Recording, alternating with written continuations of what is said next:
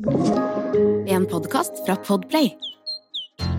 Grøntpodden, for deg som er helt grønn.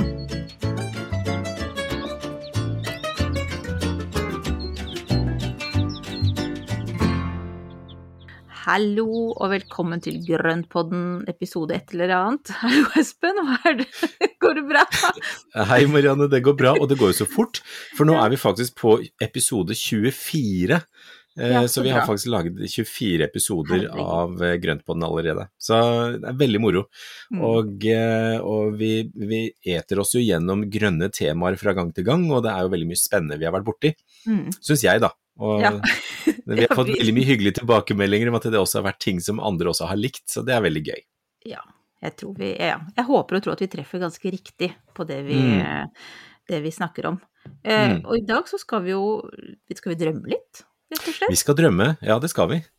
Så det, vi skal ut og besøke noen hager som vi drømmer om å, om å ta en tur til. Noen av de stedene har vi vært på, men de aller fleste har eh, i hvert fall ikke jeg vært på, så eh, Nei. dette blir gøy. Det blir veldig gøy, og det er, jo, det er jo det å kunne da surfe rundt på nett og kikke litt på steder og se hageprogrammer som gjør at vi da kan eh, drømme oss bort.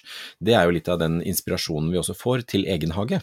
Absolutt. Og så bare en sånn, hva heter det, disclaimer, altså bare si ifra på forhånd om at For det første så er det så mange fine steder, så vi har ikke klart oss Altså, vi, det var veldig, veldig vanskelig å velge ut.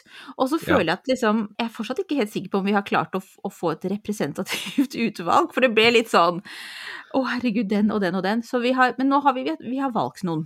De er ikke Ja. noen dumme steder. Alle disse er perler på hver sin måte. Og så er det selvsagt masse andre steder som vi ikke har tatt med og som vi veldig gjerne vil at dere kan tipse oss om. Eh, når Ja. dere har hørt episoden og tenkt på at men herregud, det stedet der bør du besøke, og sånn, si ifra til oss på Instagram og Facebook. Gjør det. Mm. Og det er jo det og det er jo som, som du sier, at det er jo kjempevanskelig, for at det, det er så mange fine steder og så mange perler rundt omkring som eh, man ikke Ja, rett og slett. Og det ene stedet måtte vi lete lenge etter, for jeg huska det så godt, og jeg visste akkurat hva vi skulle se etter, men eh, fant ikke.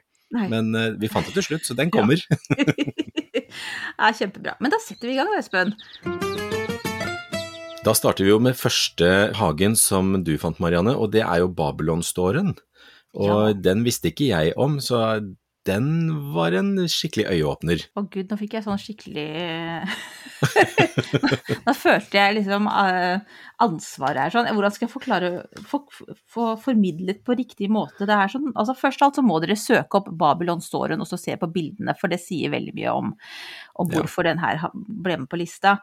Uh, og vi begynner jo egentlig da lengst bort av alle hagene og stedene som vi har valgt uh, til denne episoden. For Mm. det her er da i vinområdet utenfor Cape Town i Sør-Afrika. Og det er en hage som ligger da på en gammel gård.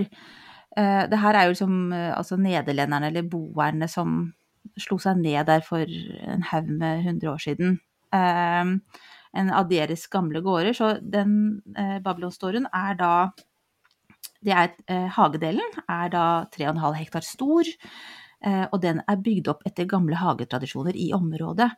Som da er sånn delvis europeisk, og med litt eksotiske innslag, så klart. For det, det her var jo møteplassen mellom Europa og Asia for handelsfolk i gamle dager. Og så er det jo som dere som har hørt Espens eh, ukas plante i mange omganger, vet jo at det er veldig mange spennende planter fra Sør-Afrika. Det er jo der alt det gøye er. Det er der alt det gøye er, og den hagen her har jo masse av det. Men det er altså en hage som ble etablert først i 2007, så den er ny, men den ser jo ut som den, Den er alltid ikke har vært der. gammel, altså. Nei, den Ja, den er er, virkelig ikke ikke gammel. Nei. Men den ligger jo da liksom omkranset av sånne hvitkalkede gamle gårdshus, og det er veldig sånn symmetrisk, altså klassisk oppbygging, vil jeg si. eh, Med masse gangstier, og det er tre kilometer med stier, så kan man rusle rundt der mellom grønnsaker og fruktdyrking, og alt ser jo bare perfekt ut. Ja, det ser, men det er jo så mye jobb som ligger bak en sånn hage. Og, men det som jeg, som, som jeg så også, det er at man kan jo bo der. Det er jo mulighet til å, å, å, leie seg inn der og bo mm. der for en, for en periode. Og det må jo være helt rått å kunne både, både se hagen, bo der og være en del av det. Og de har jo mm. mat og dyrker jo ting i hagen som man da får servert. Mm, helt Så det blir utrolig kortreist. Ja. Altså, de har jo en fantastisk restaurant som har gitt ut De har kokeboka. Og jeg er litt sånn Jeg har jo aldri vært der, så jeg er litt sånn fan på avstand. Men de har en kokebok som, og en bok om hagen. Altså, det her er jo trekkplaster med flott hotell og alt mulig sånne ting. Vi har jo en felles bekjent, vi som har vært der, og jeg er så utrolig misunnelig på han. Men en dag, Espen. En dag kommer Ja. oss dit. Nei, men Ja. det, blir, det, blir, eh, det blir ekskursjonen som, eh, som må gå dit. Det er ja, research. Du, Ja. research. Eh, og bare sånn kort, da. Eh, fordi at han som skapte den hagen her, det er en fransk arkitekt. Som ble Akkurat. hyra inn til dette oppdraget her fordi at eierne av Babylonstoren hadde sett hans, eh, hans egen hage i Frankrike. I sentrale deler av Frankrike så ligger det noe som heter Og nå kommer Altså, dette er forsøk på fransk uttale. Eh, Prieuré Notre-Dame d'Orsan, som er et gammelt kloster fra 1107, som han eh, Patrice Taravella, arkitekten, og eh, hans, jeg vet ikke om det er kona eller om det også bare er en kollega, men hun er også arkitekt, Sonja Lesaux, lagde altså en stund før eh, Babelstoren, som også er kjempefin, med den samme klassiske inndelingen, symmetrien. Det er sånn harmonisk. Mm. Eh, helt fantastisk. Men også er den morsom med sånn kikkehull i, i hekken, og de som brukte Altså apropos kompostering og gjenbruk av det man beskjærer, så er det veldig mye Mm. sånn gjerder lagd av eh, gamle greiner og, og sånne ting. Så den er jo da noe av den samme opplevelsen. Hvis man ikke kommer seg til Sør-Afrika, Espen, så kan vi jo begynne da i I Frankrike. i Frankrike, ja. ja det høres veldig bra ut. Monty Don har jo vært både på Babylon, i Babylonstoren og på denne Notre-Dame-hagen. Så det går an å Mm. søke på nettet og så være med Monty på en liten eh, reise. eh, Ja, og det er jo aldri feil. Det er det, er det jo ikke. Så Aldri feil med en dose Monty. Ja, og apropos, altså Monty er jo en hagehelt, og vi har jo en annen i Danmark. Mm. ja, og han har vi. vil, vil du gjerne besøke. Jeg blir Ja, men det vil jeg. Ja, men så bra. Altså, vi, har jo, vi skal jo dra på fellesturer, dette her. Dette her blir jo, det blir jo sånn eh, Team Grøntpodden på tur. Yes. Det, det blir det. Mm. Og denne gangen så har jeg lyst til å dra fram også Klaus Dalby, som, eh, som er en jeg har fulgt i, i, i lang, lang tid, og, og som jeg har også møtt ved noen anledninger. Som er utrolig hyggelig, og en blomsterkunstner. Som eh, jeg syns har en fantastisk hage som ligger utenfor Århus i Danmark. Mm. Og eh, det jeg syns er veldig gøy med den hagen, eller det jeg har sett av den, da Jeg har ikke fått besøkt han enda, jeg håper å få kunne dra, at vi kan dra dit, men jeg syns han er utrolig god på dette her med form og farge, og ikke minst også komposisjonene i både i farvepalettene, men også det å skape rom i hagen. Mm. Så han lager jo da ulike soner og ulike rom i hagen, og bruker mye barlind til å Ja. bygge de hekkene, og fordi der kan du få klippet hekkene, altså de blir lynskarpe i kanter og, og former. Mm. Så det syns jeg er veldig flott. Og så er han veldig, veldig god på å formidle dette her med bruk av blomster i ulike da, buketter og dekorasjoner og sammensetninger, så få fram mye sånne gode farvepaletter. Så den, Mm. den syns jeg er veldig spennende. Han er utrolig god på farger, syns jeg. Altså bare de Ja. Eh, entré, altså entréområdet hans. Altså, Mm. For ikke å snakke om resten av hagen, men det er utrolig hva han bygger opp. Altså Ja. kombinasjoner av blomster og sånn er veldig inspirerende. Ja, det er det. Jeg tror han har vel, er det tre gartnere som, han, som da hjelper til og, og, og holder dette her i gang, og det er jo Mm. helt, det er jo helt rått hvordan de da klarer å sette opp så mye potter og krukker og ting i, eh, i, i samme farvepaletten. Mm. Så det er veldig morsomt å se. Veldig gøy å følge med på, og har veldig lyst til å reise dit. Ja, absolutt. Så hvis eh, Klaus hører på det her, så, Ja, så, Så, vi, så kommer vi gjerne på besøk. Ja, da, vi er ikke vanskelig å be. Vi kan ta med oss kaffe og kake, vi også, så det går Vi kan gjøre det til en koselig stund. Det absolutt. Så det er bra. Men vi har jo også en som er litt nærmere, da, og det er jo en annen hage, og også noen som vi har møtt ved noen anledninger som også er utrolig hyggelig, og det er jo Hovelsrud. Den er jo kjempefin. Den ligger jo så For det første så ligger jo denne gården så praktfullt til ved Mjøsa. Det her er jo en av disse historiske, altså storgårdene i dette frodige landskapet. Mm. Det er vel, jeg, nå lurer jeg på meg litt på den gyngende grunn, men jeg tror det er ti år siden de på en måte eh, gjenåpna eh, hagen etter de historiske tegningene fra sånn 18, midten av 1800-tallet. Mm. Som de da har liksom bygd opp igjen, den, den hagen. Så da har de vel både en sånn, altså hva skal vi kalle det, en pyntehage, den historiske hagen, og så har de jo kjøkkenhagen. Mm. Eh, jeg har jo aldri vært der, men jeg har Ikke jeg heller, men jeg har også Veldig lyst til å reise dit. Ja, det ser bare ut som paradis på jord. Og det er bare så gøy Ja. hvordan de gjør så mye ut av dette med grønnsakene, som da ikke bare er eh, nyttig, men det er også en nytelse å se på. Nei, men det er jo også den pynt og dekor-biten, og, og i tillegg så er de jo veldig sånn bevisste på dette med økologisk og drift og, og gjenbruk og alle de, gode, altså alle de gode verdiene rundt både hagehold, og så har de også kylling som de, som de avler opp og selger ut. Mm, Og det er jo eh, ja, glade kyllinger som har hatt det bra. Ja. Så, så jeg syns jo den hele tankegangen rundt hagen og oppsettet og alt de gjør, er veldig, veldig, veldig fint, altså. Mm. Og de har jo vunnet både en, eh, en nasjonal landskap, det er kulturlandskapspris, hvis det er det det het, og også Ja. en sånn eh, EU-pris for eh, hagen. Så det er jo imponerende. Ikke? Vi skal være stolte av, av at vi har noe sånt i Norge. Og, og Ja. også, vi har sikkert også andre hager å være stolte av, så vi bør begynne også å Mm. være litt sånn bevisste på det. Altså, vi kunne jo Ja. nevnt mange andre også som har, eh, har gode egenskaper, da. Så, Ja. Vi kunne egentlig hatt en hel episode med bare norske hager, Mm. og, og fint kunne fylt én og to og tre episoder av det. Så, så det er mange, det er mange Mm. fine steder å besøke. Mm. Så, men nå har vi da litt, litt forskjellig og, og sånne ting. og det Blanda er, drops ble det denne Blanda gangen drops, Ja. og Hovelsrudhagen er er jo virkelig en av de som står på lista. Jeg bare tenkte sånn, eh, en liten sånn bi, bitips. Nå driver jeg og blar i arkene mine, beklager, Mm. folkens. Men jeg bare, en eh, for meg mindre kjent, eh, og kanskje mer privat, det er jeg ikke helt sikker på, men det er en gård oppe i Østerdalen som heter Melgården, som jeg også har veldig Ja. lyst til å besøke. Eh, Som jeg følger litt på, på Instagram, og der har de pussa opp hele gården, og det er veldig sånn, tror jeg, veldig etter alle eh, kunstens regler, både innvendig og utvendig, og jeg vet at der driver du og lager en labyrint nå, altså jeg tror det, det er en spennende hage å følge med på. Mm. Så, Og det hovedhuset der er jo så fantastisk, for vi Mm. kjører jo akkurat forbi der når vi skal på hytta på Tynset. mm, Og eh, altså det ser jo helt fantastisk ut hvordan de har Mm. bygd opp hovedhuset der igjen. Med da både skifertak og, og fargebruk og alt sammen. Så det ser ja, helt rått, altså. mm. Ja, så jeg tror det er det, er med den bevisstheten rundt hva man skal forvalte, og liksom ta det med inn i, i vår tid også, da. Så, Mm. så det er også et sted som det går i hvert fall an å undersøke om det går an å ta seg en tur dit. Jeg vet ikke. Mm. Jeg vet jeg har en nettside, så det går an å se litt nærmere der. Og så har vi også da helt ut på, på vestre, vestre fløy, holdt jeg på å si, ut utafor Stavanger, så har vi også Flor og Fjære.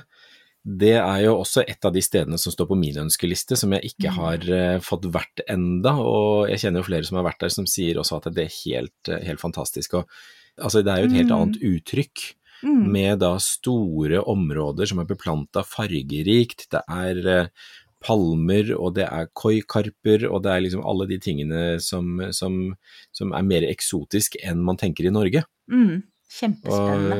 Jeg ja, blir med veldig. og jeg. Ja, ikke sant. Og det er så bra.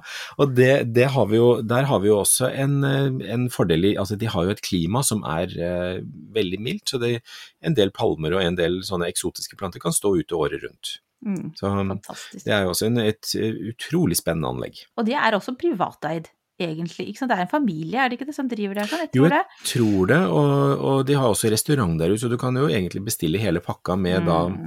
mat og drikke og, og tur i hagen og det hele. Mm. Så nei, det kjempefint. Men du har jo også en del lokalt rundt deg, Marianne. Ja, jo, det hadde vi også lyst til å ha med. Eller jeg hadde lyst til å ha med. Jeg bor jo, jeg bor jo i Høganes eh, i Skåne. Apropos godt klima, så er det jo også mye Det er frodig her nede. Der har vi et flott gammelt slott som heter Krapperup. Som kanskje ikke er så kjent i Norge, men det er da en sånn gammel slags borg. Ikke spør meg når, hvilket århundre det er fra, altså, men den har i hvert fall vollgrav rundt og sånn. Og så er det en fantastisk eh, hage eller et parkanlegg som liksom ligger sånn fint nedover i en eh, liksom en dal. Så det går, går Mm. du gjennom og ser på store trær og kommer ned til en dam, og så kan du vandre videre, og så kommer du til rododendrodelen. Og det er sånne svære, det er sånn fjell på en måte.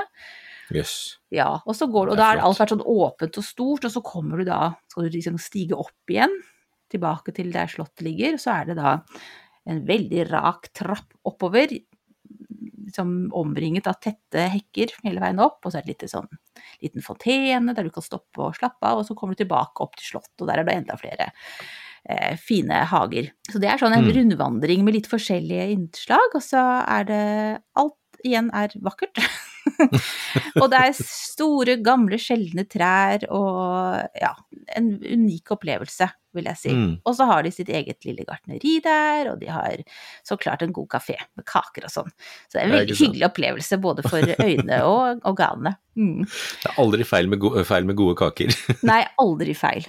Men en annen hage som jeg Og der har jeg jo vært, så det er jo et av de, en av de stedene jeg har vært og besøkt. Um, og så har jeg også en eh, Det er ikke en nabo-nabo, men en i nærområdet som driver og dyrker snittblomster. Så en blomsterbonde. Og Mm. den hagen er også sånn herlig. Og fordi hun dyrker masse forskjellige ulike blomster, så er det en veldig fargerik hage. Altså en del av Mm. de tingene som i hvert fall jeg har nevnt før, er jo ganske sånn eh, nedtona kanskje. På, altså at man har valgt ut visse planter, og det er jo sånn harmonisk, men her er det liksom litt eh, herlig spraglete. Og Altså, deilig. Veldig hyggelig. Så hun bor på en gård, da. glad. Ja, Mm, blir glad av det. Glad av mye farger, så det er jo veldig bra. Ja, og det heter The Flower Farm Høganes, hvis dere har lyst til å følge henne på Instagram. Og hun holder jo også kurs og sånn av og til, så man kan komme og besøke henne hvis dere skulle være i Skåne. og. Mm. og dere har lov å reise dit, så er, det, så er det et tips. Eh, Og det finnes jo sånne steder rundt omkring i Norge også etter hvert, så det er jo kjempegøy. Altså, sånn som de på Abelsø i Oslo, og Ja, ja, det er jo mange Og spennende er steder. Ja, flere som har satt i gang med da egen dyrking av, av blomster, altså snitt, og holde kurs og alt sammen. Mm. Og det er kjempegøy. Og det, da får man jo veldig sånn nærhet til både vekst og, eller dyrkingen og bruken av plantene, og det er jo utrolig spennende. Mm.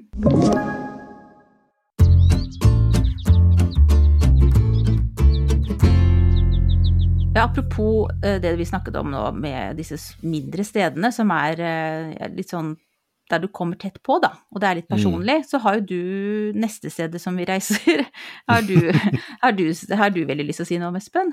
Ja, det har jeg veldig lyst til å snakke om, for det, det er jo en, et av mine gode reisemål på vår og forsommer. Og det er Mjærum staudegartneri og besøkshage. Og de Hvor holder til, ja, de holder til nede i Hobøl, i, Ja. da, ned, altså ned mot, eh, ned mot Ski. De har altså en besøkshage som er veldig morsom og veldig hyggelig personlig, med masse små rom og stier og spennende stauder. Og så har de en, et eget gartneri som de da dyrker opp mye av plantene selv. Så de da Mm. selger ut det de har dyrket opp.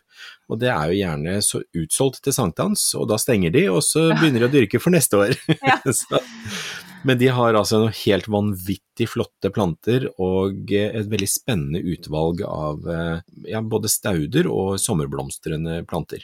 Og Mm. urt, altså ikke minst urter og grønnsaker. Åh, det står virkelig på ønskelista mi. Altså jeg tror de åpner sånn start mai, og så har de gjerne stengt til sankthans, og da har de solgt ut alt omtrent. Fantastisk. Så gøy også at det ikke går an å komme dit når som helst. Man må nesten Ja. skrive det opp i kalenderen sin og så sjekke på våren neste år. Og, Ja, mm. Eh, hvordan det er da med hagen, det vet jeg ikke, om man da kan bare eh, ta kontakt og spørre om det er mulig å få komme på besøk, men Ja. eh, det er absolutt verdt et besøk i, i starten på sommeren. Mm. Ja, det høres herlig ut. Og så har du en annen en også. Jeg tenker vi tar den samtidig, selv om det Ja, Det var- den er litt lenger litt- unna. litt, litt lenger unna. Og eh, ja, altså jeg, når jeg så bildene, så syntes jeg det så nesten franskt ut, men vi skal ikke så langt. Vi skal til Danmark. Nei. Ja, det skal vi. Og det var den vi sleit litt med å finne, for at det, var, det var ikke så lett å, å, å finne igjen. Men jeg så et TV-program for et par uker siden om denne hagen, og det er jo da en som heter Peter Vibro, som var reklamemann i Danmark, som eh, var blant annet sto bak en del av altså Tuborg-reklamer og sånn i, i tidligere. eh, Som da har bygd opp en hage som er i veldig sånn fransk-inspirert, italiensk-inspirert, og har veldig mye forskjellige soner. Men det som, jeg, altså det som jeg ble veldig fascinert av der, er hvordan han da formklipper alt mulig rart. Mm. Altså det er jo busker og busker og hekker og alt mulig rart som er da så stramt klipt og så, så Det er jo liksom ikke et blad som ligger feil. Og eh, det som jeg så på, den, på det TV-programmet, det var jo blant annet at det, han hadde jo da stammet opp en eh, blårein, en hvit blårein som sto, hang som en parasoll over et bord. Åh, Og hvor alle disse blomstene bare hang og vaiet over dette bordet. Altså det var, det var helt rått. Så kjempefin og veldig spennende hage. Og den går visst også an å besøke. Ja, og den ser veldig avansert ut. Altså den, Mm. den virkelig det var noen sånne kubiske formede et eller annet eh, busker, og det var Det ser ut ja, som han også har noen Det kan hende han har noen gartnere, han også. Jeg vil tro han har noen gartnere for å holde alt dette her i, både i hevd og, og holde, holde styr på alt. Ja. Men uh, dette her er jo da litt nord for uh, København, så det er ikke så langt egentlig for oss å, å kjøre over og, og, og besøke den. Mm, absolutt. Så, men lista. helt, helt rått, altså. Så den, den står høyt på lista. Ja, og vi skal jo vi, vi skriver jo opp alle navnene og prøver å finne linker og sånne ting, så at vi kan guide dere litt på vei. Mm. Eh, så dere finner At det er lettere for dere å finne fram til dem enn det det var for oss. Ja, I dette tilfellet her, i hvert fall. Ja. mm, Men så er det jo en annen nå, så altså nå Du kom jo også da på en gammel film som, Ja. var, eh, som var egentlig grunnlaget for Nestehagen. Ja. For altså, et, nå drømmer vi jo uansett. Så det, altså, Ja. Så langt så har vi jo vært ganske fornuftige, syns jeg. Men det her, den hagen her er klidd umulig å besøke, for den, den Ja. finnes på film.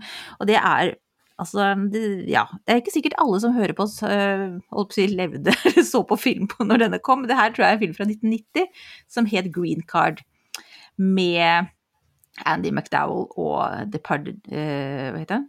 Gerard, Gerard Depardieu. Depardieu. Mm. Eh, Og den foregår i New York.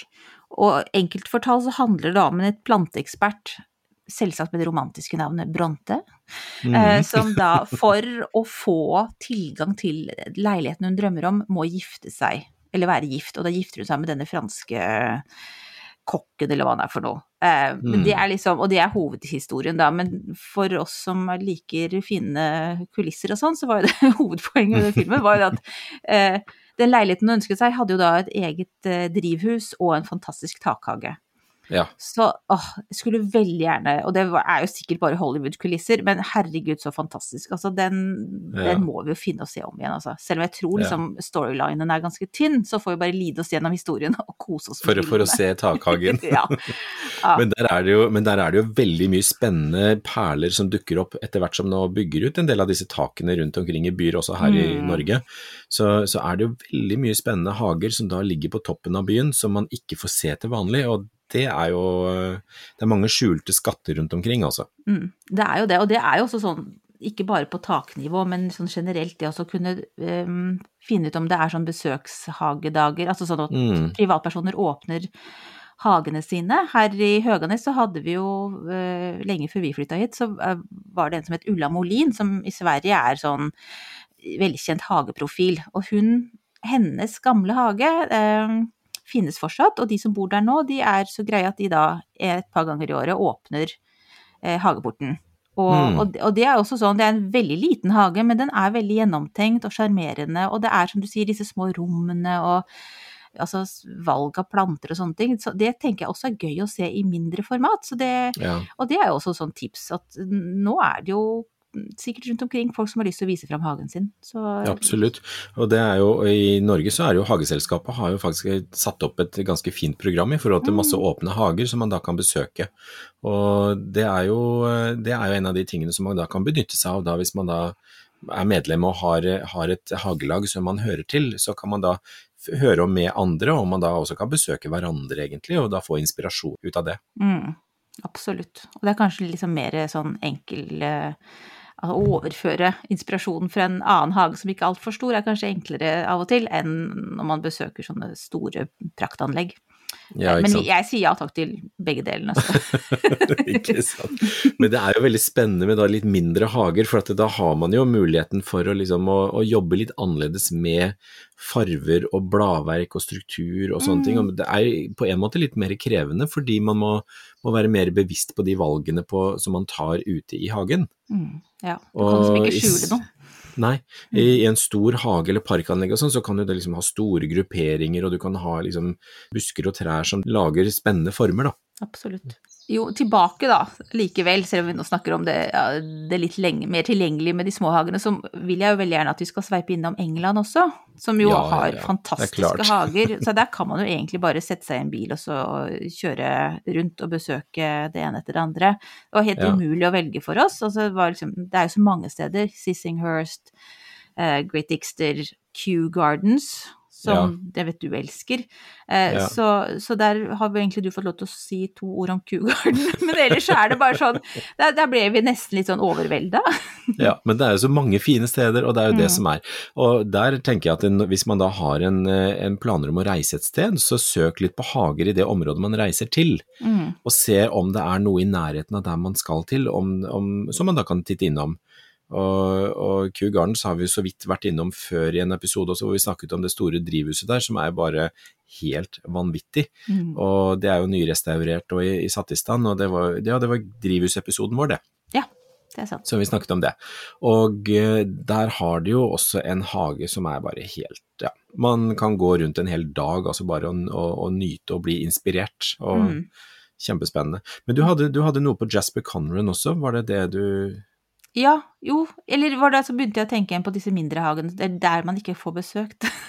Ja, sånn, ja. Det er sånn ekstra lyst til å dra dit man ikke får lov til å dra. Så Jasper Ja. Colleran, han er jo en britisk eh, motedesigner, eh, Mm. og jeg følger han på Instagram. Og det er Altså, det ser så fantastisk ut. Han bor jo da på en gammel gård i Dorset, tror jeg. Det er jo liksom Syd-England, sydvest. Mm. Eh, og han har blant annet sånne walled gardens, og det bare Da faller jeg øyeblikkelig. Jeg syns det er noe sånn fantastisk spennende med det at man liksom lagde eh, rom med murstein, og så dyrker man inne der sånn. Det er jo en gammel tradisjon.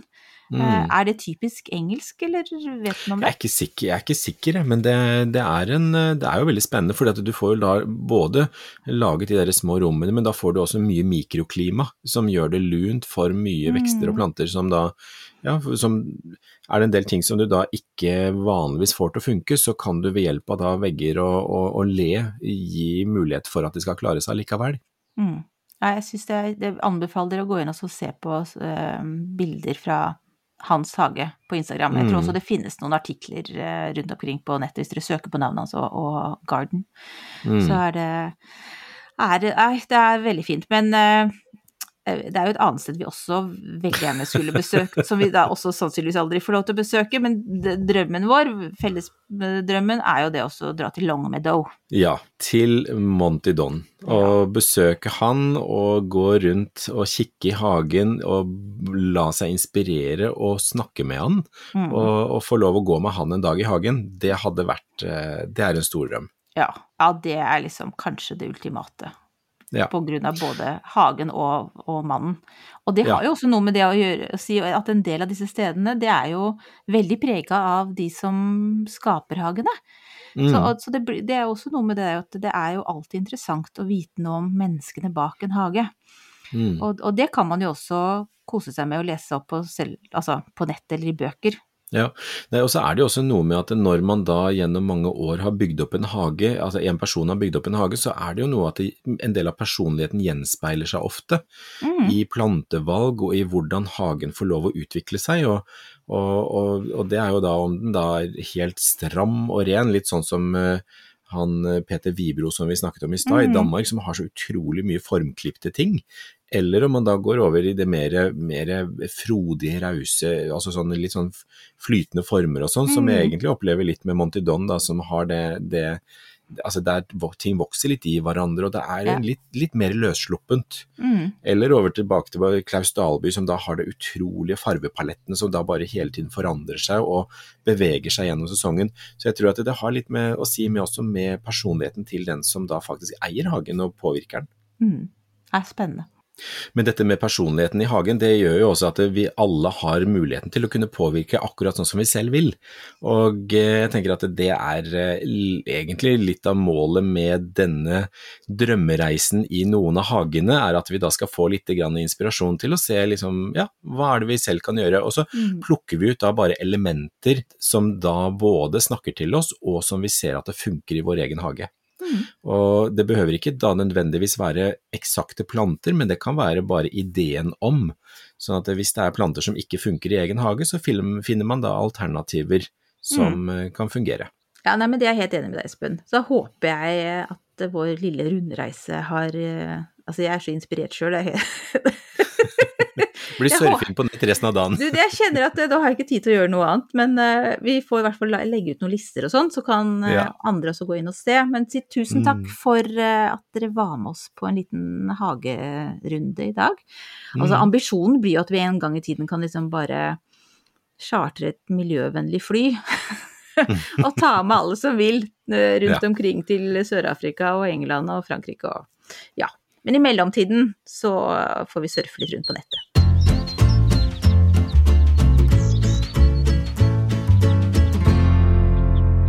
Yes, Espen, da har vi liksom landa da. Tilbake Ja. litt mer i hverdagen, så nå skal vi ta våre faste punkter. Ja, ikke sant? Det er ikke noe, det er bra ting vi har, eh, har på agendaen i dag, syns jeg. Vi begynner da med ukas plante. Ja, og i dag så har jeg lyst til å ta og løfte fram fuksia, som er en av de virkelig gamle, gode, tradisjonelle plantene. Og eh, mange kjenner jo den som dråpe, eller kristiblodsdråpe, eller tåre. Og eh, det er jo litt sånn i forhold til at blomsten ser ut som en dråpe når den er i knopp. Og de, jeg tror de fleste kjenner til fuksia i en eller annen fasong, for at det, eller en eller annen form, for det er jo et enormt stort utvalg Mm. med fargekombinasjoner og vel, altså det som kjennetegner fuksiaen er jo ofte at de har et skjørt, enten om det er enkelt eller eh, fylt, som da henger nedover, og så har den kronblader som da bretter seg ut sideveis, eller også opp og tilbake. Mm. Og det finnes da gjerne forskjellige farver på da de øvre kronbladene og på dette skjørtet som jeg snakker om. Mm. Og de fleste er jo da innenfor rosa, rød, hvite toner, eh, og så er det én enkelt som kommer i gul, Ja. og det er en som heter Fuchsia procumbens. Og den har en helt annen vekstform og ser ut som pletter i luften, med små, runde blader som ligger utover pottekanten og henger nedover. Mm. Nydelig liten sak. Mm. Ja, den må vi søke opp og se på. Den, skal det, ja, den har jeg bilde av, så den skal, den skal vi få lagt ut. Og den Mm. er så fin. Den finnes jo da i en variegert som har grønne og hvite blader, og så finnes den i en helt grønn en. Og um, i år så kjøpte jeg også en, eh, en fuksia på Mjærum når jeg var der tidligere i år, og som heter Bella Rosella. Og den har altså blomster som er svære som dasslokk, og de Oi. er så svære og de er så tunge at greinene nesten knekker på planta. Oi. Det er en hengende variant av fuksia. Mm. Og den har eh, da en eh, Den måtte jeg klippe skikkelig tilbake igjen og potta om og gitt ny jord og sånne ting, for den var helt utslitt etter all blomstringa. Så Ja. de, har, de er veldig blomsterrike. Mm. ja, for det syns jeg fuksiaene er jeg- Det jeg ser for meg, er jo utrolig mye blomster. At det er en Mm. sånn frodig, eh, en hyggelig plante å ha, Ja. for at den gir så mye. Veldig. Og så er det bare Den liker jo da halvskygge, altså lett sol til halvskygge, og også jevnt fuktig og liksom god, god næringsrik jord. Så, Mm. så funker det bra. Og de kan jo bli steingamle. De blir jo busker og trær av de, og, og jeg har jo en som da mormor hadde i gamle dager, og den er jo stammet opp, og jeg fikk jo den et par år før hun døde, og det er jo 10-12 år siden nå. Så den har jeg fortsatt, og den er jo snart 25 år gammel, og da får den en ordentlig sånn stamme med Mm. bark og kjempefine. Den må vi legge ut bilde av. Det skal jeg gjøre. Ja. Og så, så er så, nei, så fuksia det er en veldig fin. Enkel å ta stikling av, og eh, det er bare å ta knipe toppskudd, sette i jord og holde fuktig, så skyter den videre i løpet av kort tid. Og det som også er morsomt med fuksiaen, er at de er spiselige. Å, det visste jeg blom, ikke. blomster og bær er spiselig, så det er ikke like godt med de svære fuksiaene. Det, altså, det blir sånn tygge på det. Det, det, blir, det er litt sånn, ja. Men de er, de er litt sånn syrlige i smaken, så de kan være Mm. gode også hvis du da river opp de store blomstene i mindre biter, Mm. og så har det f.eks. som farverike blad i en salat. Ja, det hørtes kjempefint ut. Det Og var de en god idé. små fuksiaene, for eksempel da disse her Magellan-fuksia, altså Magellan-tåren, som, eh, som da kan ha bitte, bitte små blomster, og de kan man da bruke å pynte kaker med og sånt. Så det er, det er stor bruksmulighet på fuksia. Mm, ja, gøy.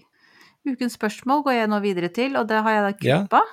Fordi Altså, det her er andre året jeg driver med såkalte kjempeverbena. Ja, Altså mine Er det ikke kjempe? er Nei, altså mine er lavere enn alle andres.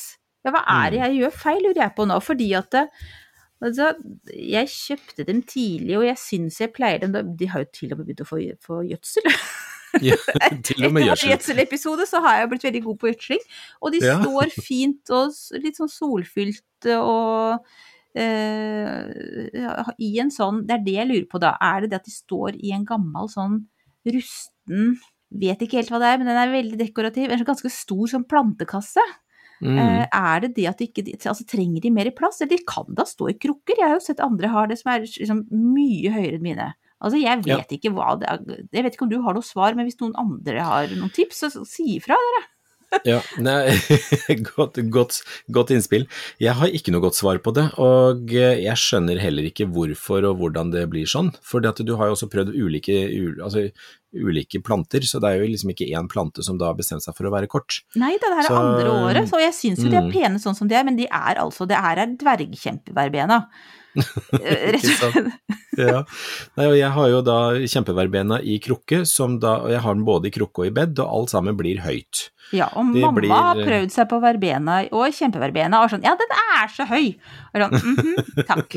Så jeg er litt eh, det er, Jeg og verbena er ikke så veldig gode venner, men jeg, jeg er fan, da. Så jeg Ja, håper liksom at ja men det er bra. Nei, men jeg, ja, men jeg tror ikke det har noe med krukka å gjøre, for at den, altså, jeg har da i en ganske smal sylinderkrukke, som da Mm. er en ja, 60-70 cm høy, og så fyller jeg den med jord, altså den tar jeg inn hver vinter, overvintrer planta, så tar jeg nye stiklinger, og så setter jeg det i nye potter, og så planter jeg det rundt omkring i bed ute. Sånn at jeg får det innimellom alle mulige andre planter.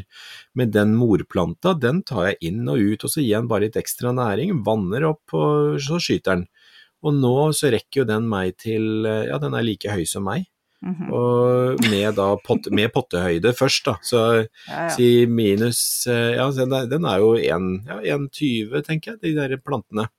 Jeg tror kanskje mine er 80, jeg. Ja, jeg skjønner at du har noen- lyst på mer. Ja, fordi at det ville vært så For det står ved siden av kjøkkentrappa, og, Ja. og det, det hadde vært så fint hvis man fikk følelsen av at det var en liten vegg med verbena ved siden av, men nå får man det bare føle at det er en sånn kortklipt hekk. Så altså, den er veldig fin, men det har jeg blitt som Jeg har jo kjøpt det sto kjempeverbena, så da burde det jo vært litt mer Ja, men du kan ikke den. ta feil av den, altså. Men fortsett å gjødsle. Gi masse gjødsel og se hva som skjer, så Yes. kanskje den kommer utover sesongen. Ja, jeg håper det. Ja. Takk, Espen. Det, jeg måtte bare lette hjertet litt, holdt jeg på å si. Det var eh, Det er en liten sånn sorg.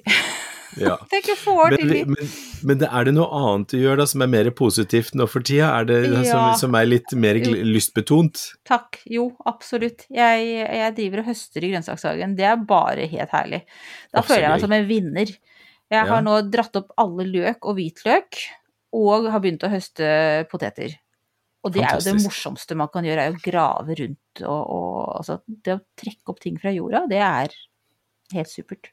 Mm. Mm. Og så smaker det jo så godt. Altså, Ja, ja, ja. Egne nypoteter Mm. er jo noe av det beste som fins. Ja. I går så tok vi var nypoteter rett opp fra Jeg har prøvd Jeg har nå både poteter i, i jorda, og så har jeg det i store sånne Altså bøtter, på en måte, kan du si. Mhm. eh, som, og det har fungert begge delene, men nå tok jeg det fra disse bøttene.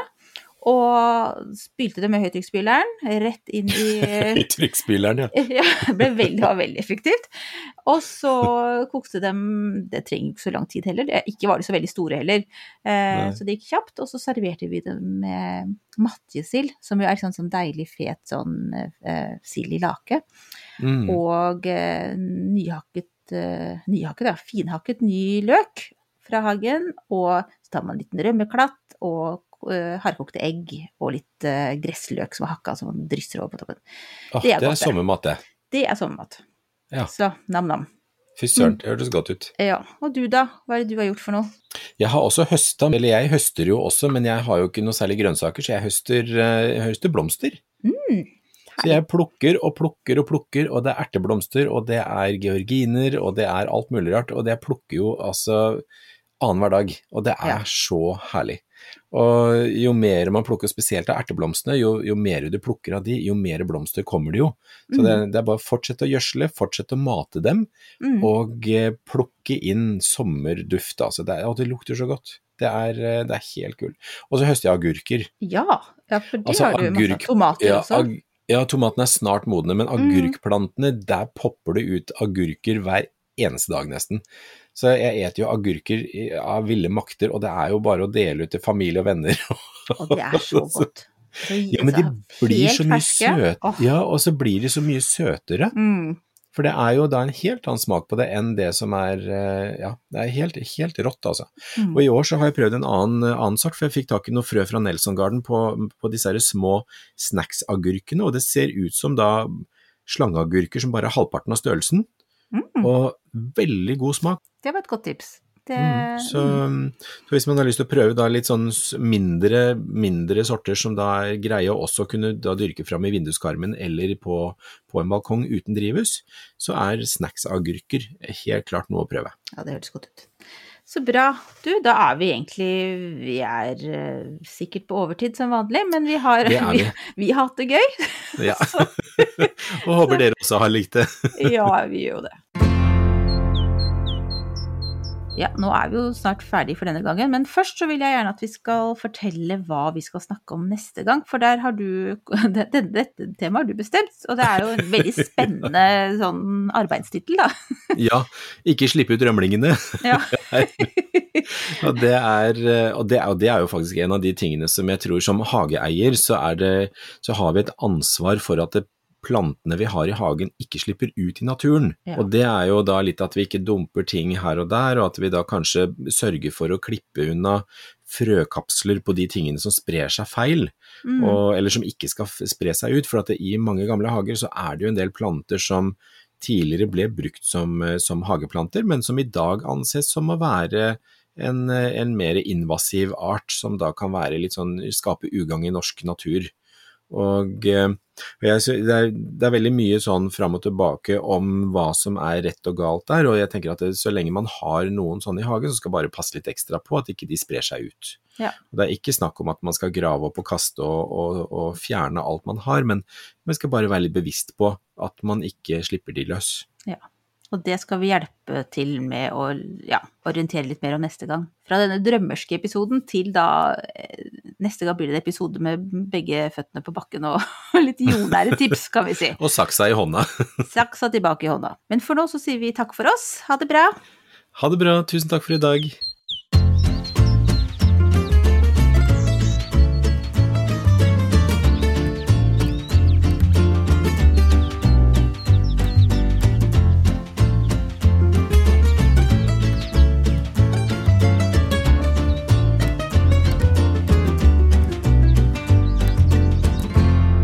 Du har hørt en podkast fra Podplay.